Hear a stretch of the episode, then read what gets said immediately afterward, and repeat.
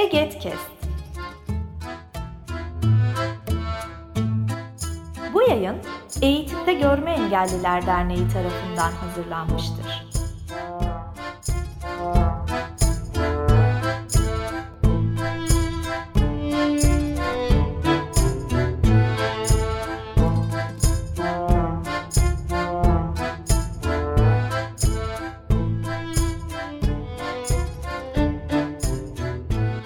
Herkese merhaba. Çocuğumla Büyümek podcast serisine kaldığımız yerden devam ediyoruz. Daha önce bağımsız hareket üzerine konuşmuştuk. Bu bölümde ise psikolojik danışman Oğuz Akkaya ile bağımsız bir yaşam için ebeveynlerin üstlenmesi gereken roller, kullanabilecekleri destekleyici dil, betimleyici, açıklayıcı dil üzerine konuşacağız. Öncelikle Oğuz seni tanıyalım. Hoş geldin. Merhaba, hoş bulduk.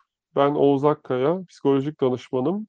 Ee, Ankara'da bir rehberlik araştırma merkezinde görev yapıyorum. Ee, daha önce biz bu podcast serimizde bağımsız hareketin temel işte tanımı, ilkeleri ve de e, yapılması gerekenler üzerine belli ipuçlarını vermeye çalışmıştık. Ama bugün seninle aslında biraz daha olaya farklı bir açıdan bakmaya çalışacağız e, ebeveynler çocuklarının bağımsız yaşam becerilerini desteklerken ya da bunun içinde özelinde bağımsız hareket becerilerini desteklerken neler yapabilirler, nasıl bir tutum geliştirirlerse çocukları için daha destekleyici olur ve nasıl bir destekleyici bir dil kullanmaları gerekir aslında bunun üzerine söyleşeceğiz. O zaman e, ben öncelikle e, şunu sorarak başlamak istiyorum. Ebeveynlerin görme engelli çocukların bağımsız hareket becerilerinin gelişimindeki rolleri hakkında neler söylemek istersin? Evet, eee, çocukların bağımsız hareket becerilerinin gelişimindeki buradan hareketle bağımsız hareket geliştikten sonra aslında görme engelliler için bağımsız yaşamında bir anahtarı bağımsız hareket. Eee, bağımsız hareket ve bağımsız yaşam için ebeveynlerin desteği Eee, önemli. Çünkü çocuk doğduğunda bir ailenin içerisinde, bir çevrenin içerisinde doğuyor. Eee, bu yüzden aslında tüm çocuklarda ebeveyn desteği önemli. Eee, görme engelli olsun ya da olmasın tüm çocuklar dünyaya potansiyel bazı özelliklerle geliyorlar. Eee, bu özelliklerini kullanarak yaşamlarını bağımsız bir şekilde sürdürebiliyorlar. Eee, bu özelliklerini 2 yöntemle kullanmayı, geliştirmeyi sağlıyorlar. Bir tanesi çevrelerini model alıyorlar. Bir diğeri ise çevreleri tarafından destekleniyorlar. Bu destek aile tarafından sunulan bir destek de olabilir. Eee, yapılandırılmış, standartize bir eğitim ortamında sunulan, örneğin okulda alınan eğitim de olabilir. Burada neyi kastediyorum? Biraz bunu açmak isterim, eee, müsaadenle. Eee, çocuk örneğin dünyaya geldiğinde etraftaki sesleri duyuyor, görüntüleri görüyor. Örneğin annesi ondan yüksek bir yerde duruyor ve kafasını kaldırıp böyle etrafını gözlemlemeye, dinlemeye başlıyor. Ondan sonra, eee, başını kaldırdı. Bir süre sonra ellerinin üzerinde durmaya başlıyor ve karnının üzerinde hareket ediyor.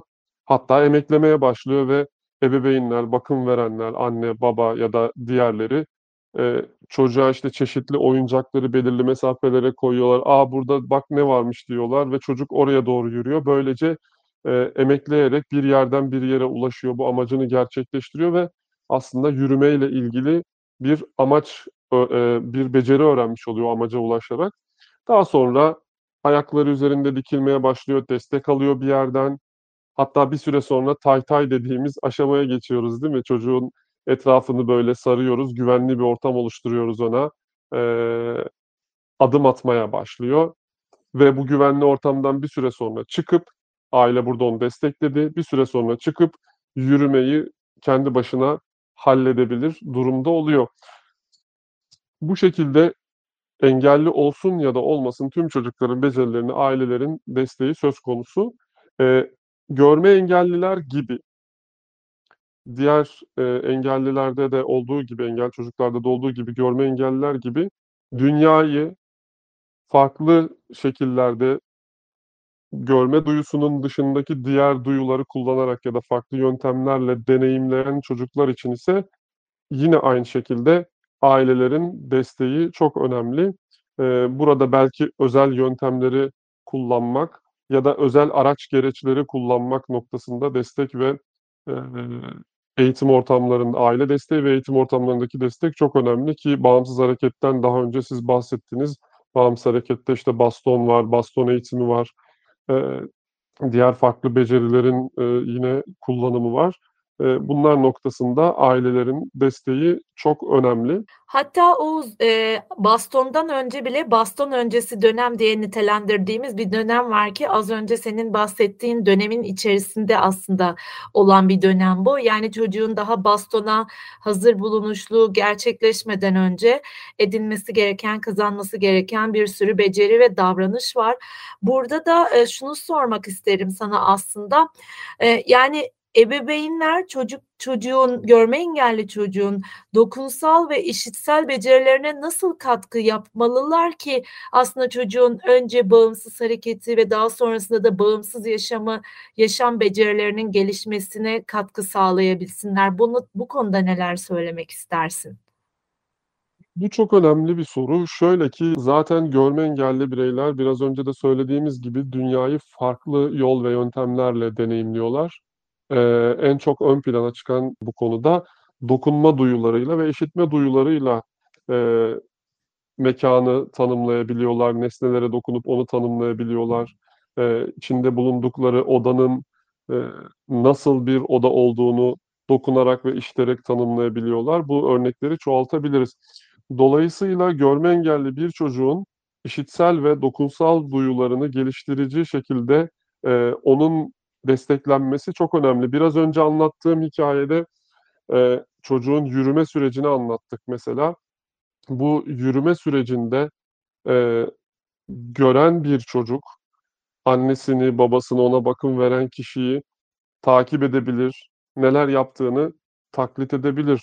Oysaki görme engelli çocuk için de, eee, bu söz konusudur. Burada da daha dokunsal ve sesle, eee, hareket etmek gerekiyor. Biraz önce verdiğimiz örnekte, eee, çocuk emeklemeye başladığında uzağa bir yere bir oyuncak koymaktan bahsetmiştik. Yine bir oyuncak konulabilir, sesli bir oyuncak konulabilir. O çocuk oraya doğru yönelir.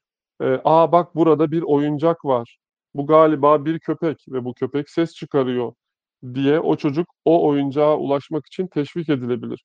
Farkındaysanız burada bir de şunu yaptım ben. Hem burada bir oyuncak var dedim. O oyuncağın nerede olduğunu sesini çıkararak işaret etmiş oldum. Hem de o oyuncağın ne olduğuna dair bir betimleme yaptım. Sonra çocuk geldi, dokundu. "A, bak burası, işte, kafası, burası kuyruğu." dedim. Böylece hem çocuk bağımsız bir şekilde bir yerden bir yere ulaştı, o mesafeyi deneyimledi. Eee sesin kaynağına yönelmeyi deneyimlemiş oldu. Ses nereden geliyorsa oraya gitti. Sonra gitti o köpeğe dokundu. Onun zaten isimlendirmiştik biz köpek olduğunu. Dokundu, "Hımm, evet köpekmiş bu ve burada nasıl bir, eee, işte, başı var, kuyruğu var, kulakları var." diye keşfetmiş oldu diyebiliriz. Eee, bu şekilde çocuğu destekleyebiliriz. Yani betimleyici bir dil kullanarak hem böylece dokunsal becerilerini geliştirmiş olduk hem, eee, işitsel becerilerini geliştirmiş olduk. Hem bir yerden bir yere öz güvenle ulaşmasını sağladık. Şunu da yapabilirdik. Oyuncağı alıp, "A, bak burada ses çıkaran bir oyuncak var. İşte, görmüyor, zaten işitiyor." deyip, "İşitmekten keyif alır." deyip sadece keyfi için o oyuncağı önüne koyabilirdik.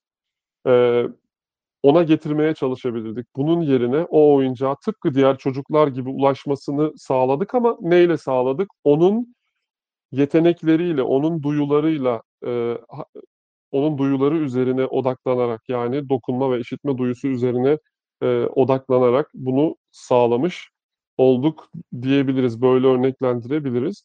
Bu betimleyici dil gerçekten çok önemli. Çünkü çocuğun, eee, mekânla ilişkisini, nesnelerle ilişkisini sağlıyor. Nesneleri ne kadar tanımlarsak, etrafındaki nesneleri ne kadar zenginleştirirsek, eee, o kadar fazla bilgi dağarcığı çocuğun, nesnelere dair bilgi dağarcığı, eee, mekânların özelliklerine dair bilgi dağarcığı gelişecektir. Ayrıca, eee, sadece bilgi dağarcığı gelişmeyecek, kendisini de tarif etmeyi öğrenecektir. Yani benim sağımda bulunuyor, solumda bulunuyor, önümde, arkamda, aşağıda, yukarıda diye hem kendisi kolayca tarif edebilecektir hem de biz alışkanlık hâline getirdiğimiz için, eee, çocuğumuza bir şeyi rahatlıkla tarif edeceğiz. Yaşam içerisinde onunla daha güzel bir bağ kuracağız. Çünkü düşünsenize anneniz size burada bir şey var, bir baksana diyor. Orası neresi bilemiyorsunuz ve e, sizin özelliğiniz olan işitme ve dokunma duyunuza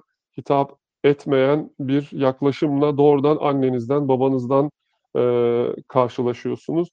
Oysa ki e, kapsayıcılığı, toplum içerisindeki o kapsayıcı modeli annemiz babamız sağlamış olsa başlangıçta birlikte kurduğumuz ilişki daha sağlıklı olacak. İçinde bulunduğumuz dünyaya ve kendi durumumuza daha rahat adapte olabileceğiz. Çok teşekkürler Oğuz. oldu ama. Yo, ben de zaten tam e, bu.